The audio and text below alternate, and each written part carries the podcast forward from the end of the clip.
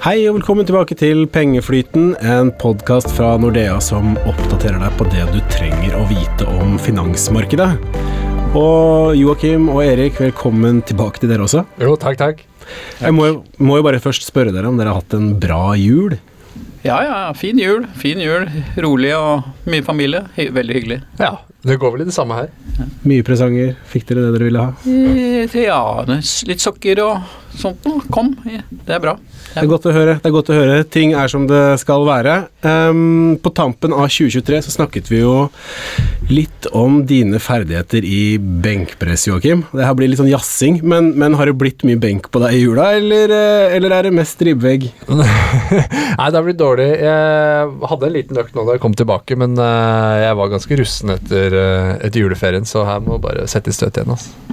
Hva med deg, Erik? Har du vært mye på trenings... Ja, jeg, jeg er liksom litt opptatt av litt sånn bredere trening og alle deler av kroppen, så det har vært mye intervaller, skiturer og litt styrke, litt forskjellig. Ikke sant. ikke sant. Ja.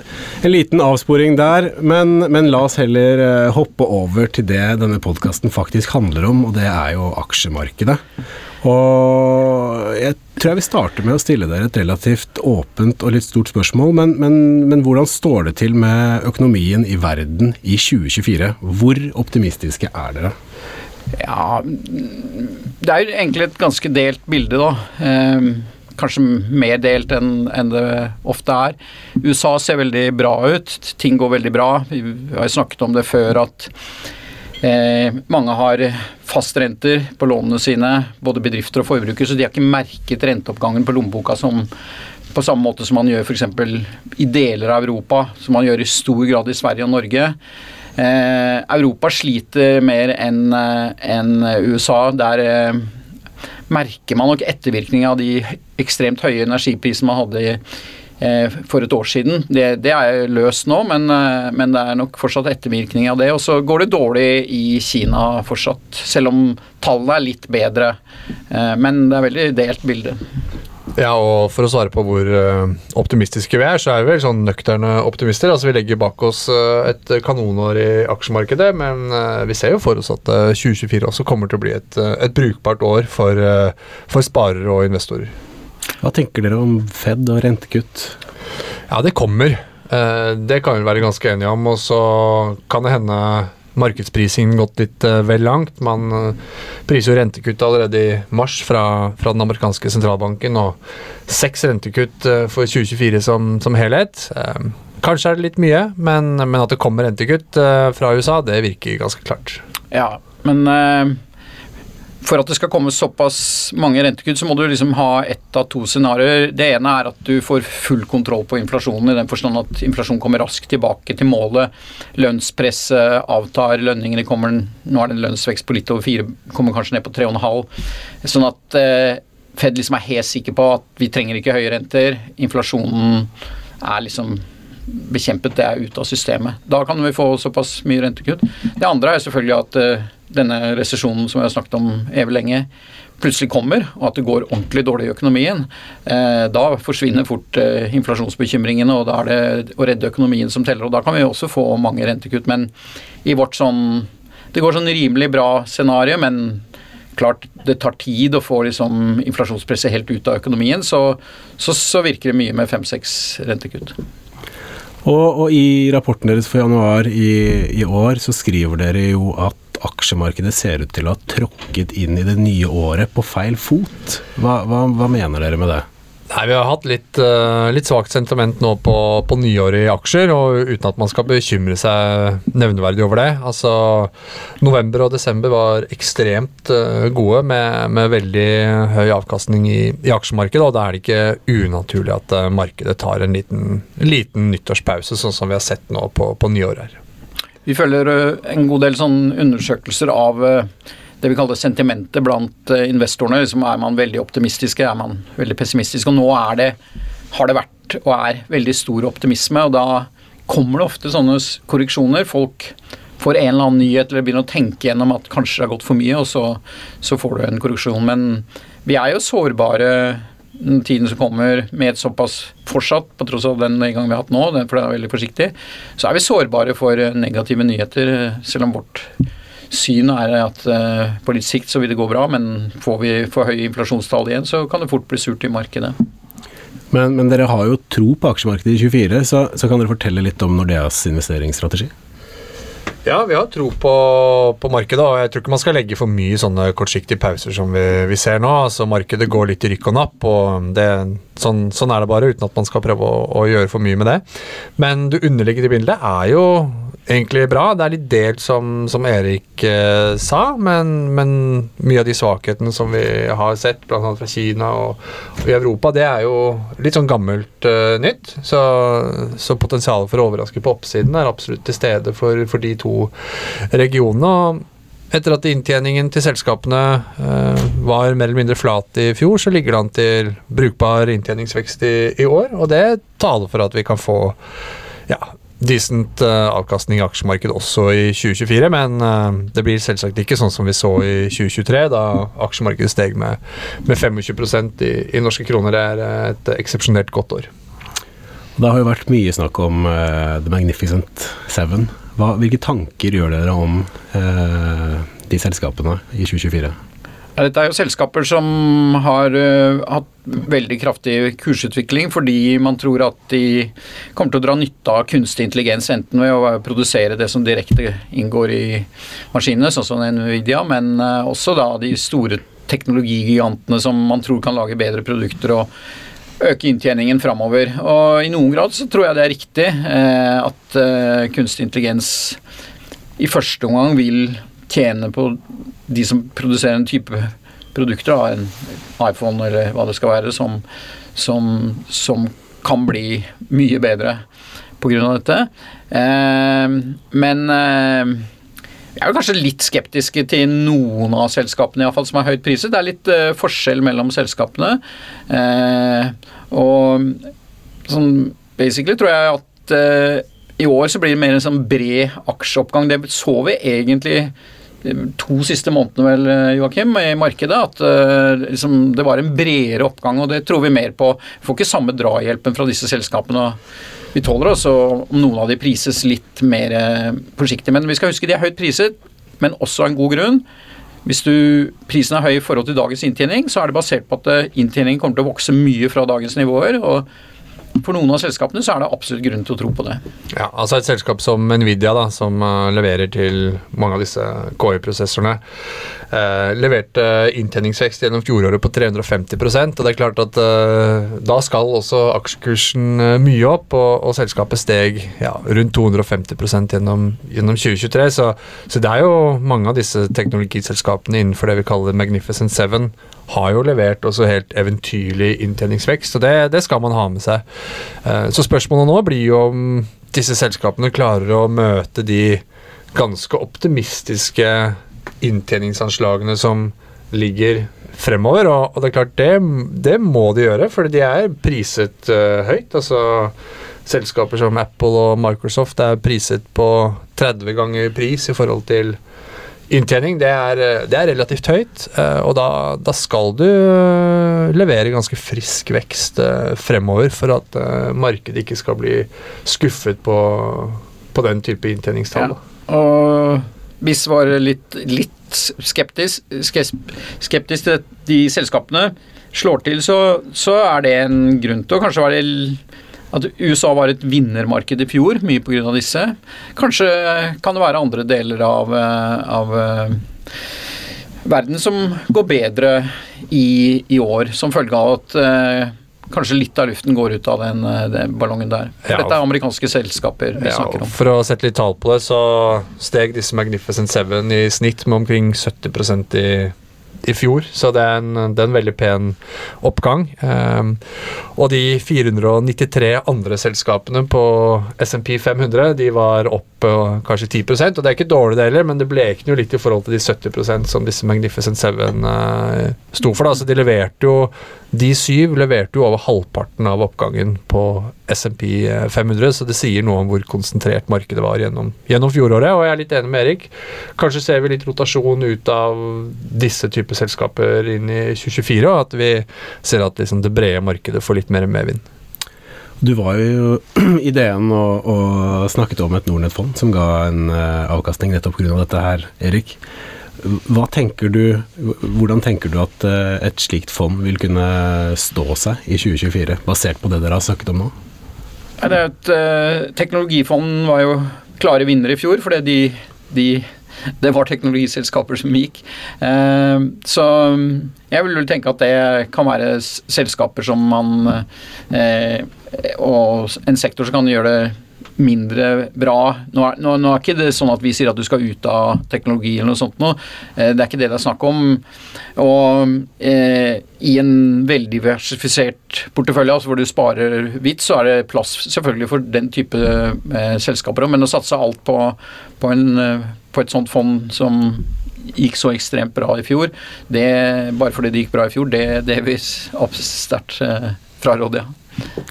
Og nå er vi jo i januar, og, og bare for å øh, kjøre januar litt isolert, altså hva tenker dere om øh, aksjemarkedene sånn globalt for januar spesielt?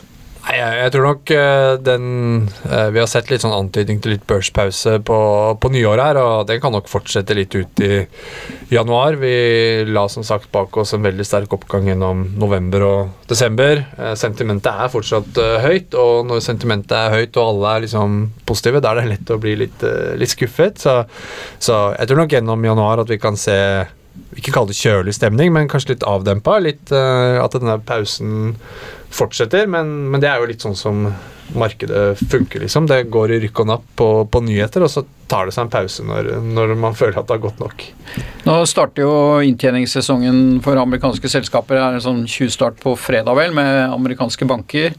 Eh, og det er klart, eh, det er jo en, noe jeg tror vil bli lagt litt mer vekt på. Det var kanskje ikke det store driverne i fjor. Eh, så hvordan det går i januar blir veldig avhengig av hvordan selskapene leverer, og ikke minst hvordan de guider på, på framtiden. Eh, og så er det ikke så ja, dårlig svar hvis det, det, det, kommer til å være avgjørende. Men jeg har jo kanskje en tro på at uh, selskapet kan levere en del bedre enn det som analytikerne legger i det. Det er liksom bedre fart i amerikansk økonomi enn uh, det man trodde. og analytikerne, Selskapsanalytikerne henger gjerne litt etter i oppjusteringen av sine anslag. Så jeg har tro på at det kan, kanskje kan komme inn litt på oppsiden. Og så er det jo igjen da inflasjon og renter kommer til å bli helt avgjørende. Der er det veldig vanskelig å ha noe sånn klart syn, selv om jeg tror inflasjonen på sikt kommer ned i USA, og også etter hvert resten av verden. Eh, og vi har sett klare tegn til det. Så, så er det masse overraskelser på veien, og det Plutselig, ja, I morgen kommer det vel konsumpristallet i USA, er det i morgen eller over i morgen? Eh, så da kan det plutselig komme et høyt tall, en eller annen tilfeldighet, og så blir markedet surt.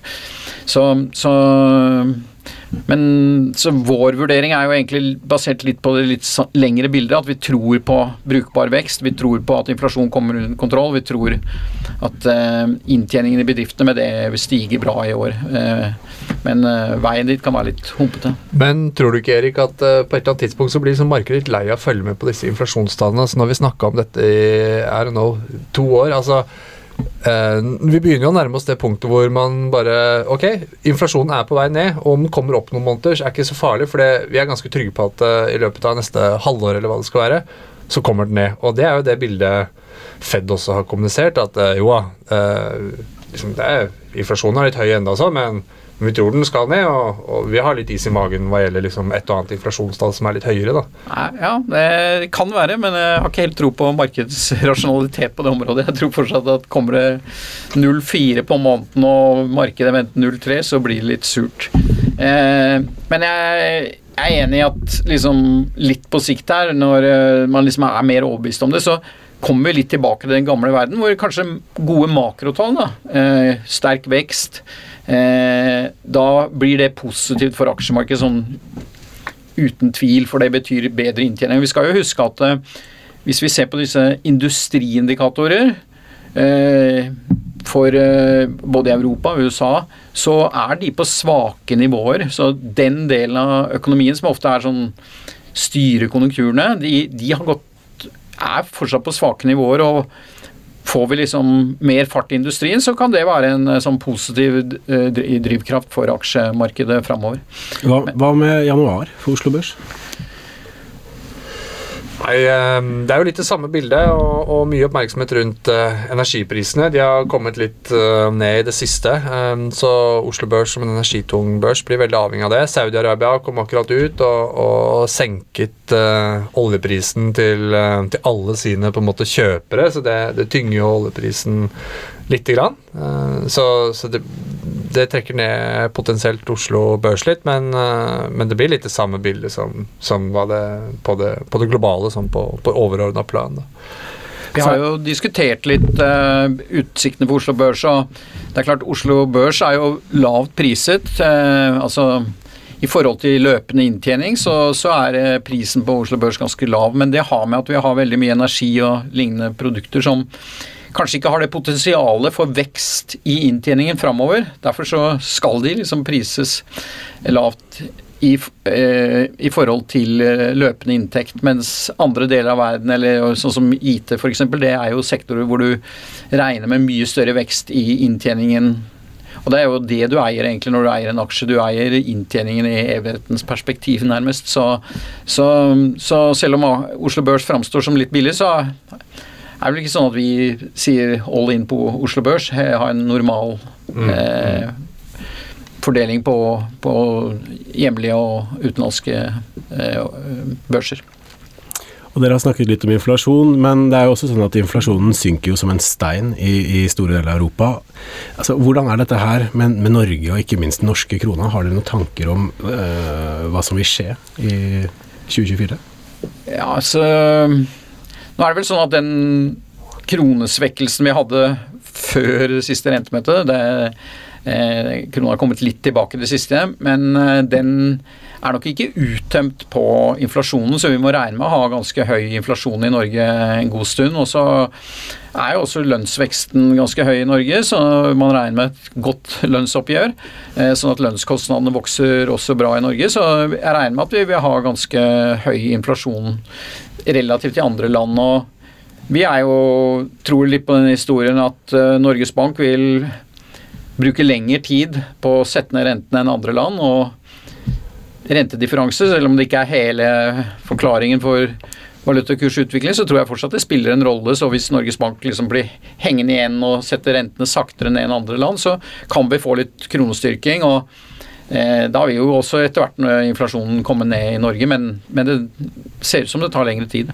Men merk at han snakker jo nå om eh, når rentene kommer ned. Altså Vi har slutta å snakke om renteøkning i, i, Norge også. og Norges Bank kommuniserte jo i, i sine renteprognoser i desember at jo, det er ikke helt utenkelig at vi setter opp uh, renta en gang til.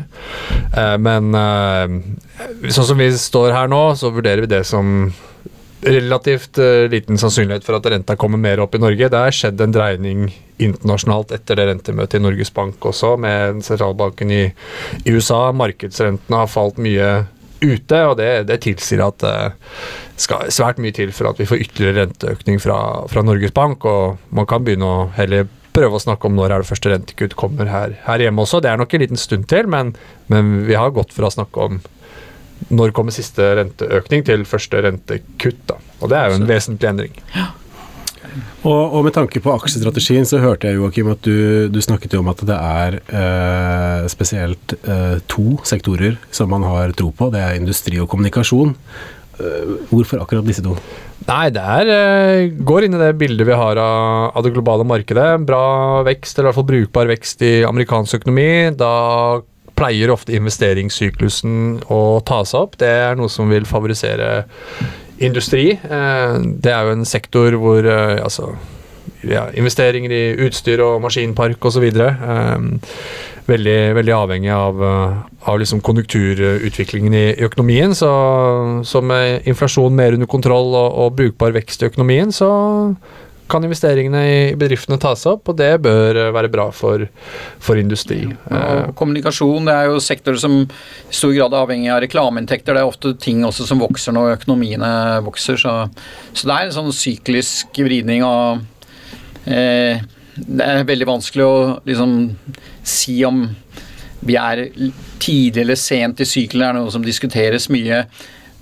Fordi vi har vært gjennom denne merkelige pandemien og som jeg sa, industrien gjør det ennå fortsatt dårlig relativt til resten av økonomien. Det er tjenestesektoren fortsatt som gjør det best. Så eh, hvis nå industrien kommer litt tilbake, så akkurat som Joakim sier, så er det liksom Så vil, vil eh, f.eks.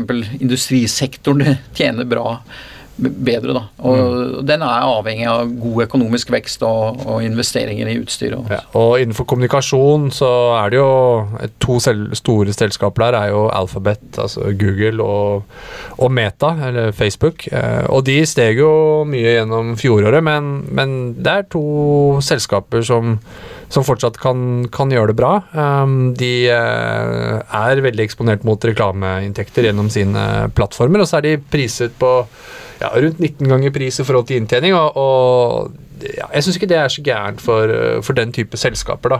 Um, det hadde vært mye for en del andre selskaper, men, men for den veksten som de to selskapene representerer, så, så tenker jeg at det er, er, decent. De inngår jo i de Magnificent Seven, men de er de to billigste selskapene av de, de Magnificent Seven. og det, det, er jo også farene med å lage sånne sekkeposter, for det, det er alltid store individuelle forskjeller. Og dette er selskaper som selv om de gjorde det bra i fjor, så, så er det ikke så høyt priset i forhold til løpende inntjening. Og jeg vet at dere ikke liker eh, det ordet, men hvis jeg skal prøve å spå litt um, så Dere har jo egen, et eget punkt som går på dette med uh, um, potensielle utfordringer og muligheter i 2024. Og, og fins det noe skjær i sjøen? Altså, hva er det som kan skje, enten positivt eller negativt, som kan påvirke virkelig det store globale verdensbildet? Ja, det er alltid skjær i sjøen, men de virkelig store skjærene, for å si det sånn, da, det er jo de vi ikke kjenner til, egentlig. Så vi kan snakke om, uh, om valget i USA, vi kan snakke om geopolitisk uro, uh, USA-Kina-konflikten, uh, Ukraina-krigen, så klart. Men, men dette er jo ting som i stor grad er er kjent for markedet og kan jo mm. selvsagt skape noe, noe, uro av den grunn, men, men, det er jo alltid sånn at de store utslagene, det får vi jo når ting bare ramler ned fra himmelen. Mm. Eh, og de tingene er jo per definisjon ukjente, så, så de store usikkerhetsmomentene de, de finnes som regel ikke på den type lister.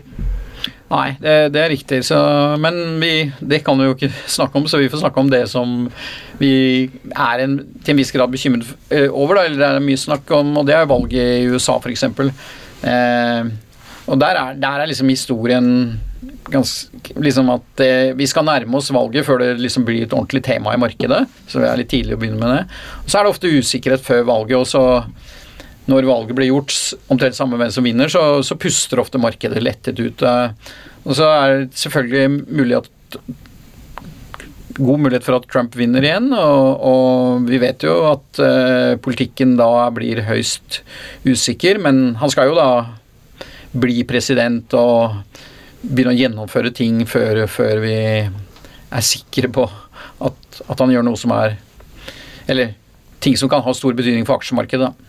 Vi skal jo huske tilbake til 2016, så var det jo stor bekymring. Børsene gikk ned hver gang han led på meningsmålinger, og så var det stort uh, rally når han vant. og uh, alle fokuserte på at det var skatteletter til bedriftene som, som var avgjørende.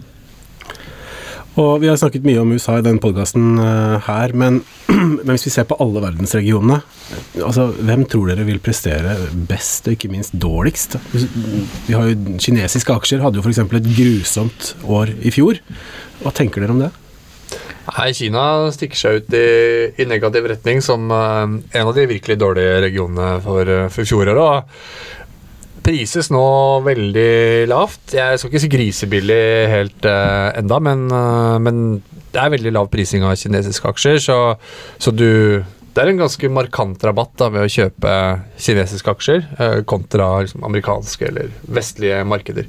Men det er klart, det er, er det jo kanskje en grunn til, det, og, og selv om prisingen har vært veldig lav, så, så, har ikke sentimentet vært helt til stede. Vi har tro på at det kan komme tilbake, og at ja, Vi liker ikke å si Kina, men emerging market. Jeg syns man skal ta litt bredere um, eksponering enn en bare Kina. Men at uh, emerging markets kan komme utover i 2024, det har vi trodd på, men, men det har fått en litt trå start. Absolutt. Eh, Kina gjorde det jo svakt i fjor, delvis fordi eiendomsmarkedet går dårlig, delvis fordi det er en bekymring for at landet er mindre investerbart med mer eh, ja, uforutsigbar politikk. Eh, denne gjeninnhentingen etter pandemien ble svakere, men det, det, er på en måte nå priset inn. og vi tror vel at uh, det er en sektor, iallfall Hvis vi skal snakke om muligheter, da, så er, er uh, framvoksende økonomier og med det da 30% Kina uh, det, det, er et område som, som, peker seg ut som en mulighet for, for god avkastning i, i år, da. Dere, jeg tror det var det vi rakk for, for denne episoden. takk for at dere delte deres kloke og velformulerte tanker og meninger. Vi er tilbake om et par uker, og eh, hvis du likte denne episoden, kan du gå inn på Spotify eller andre steder hvor du lytter på podkast, og høre på tidligere episoder av Pengeflyt.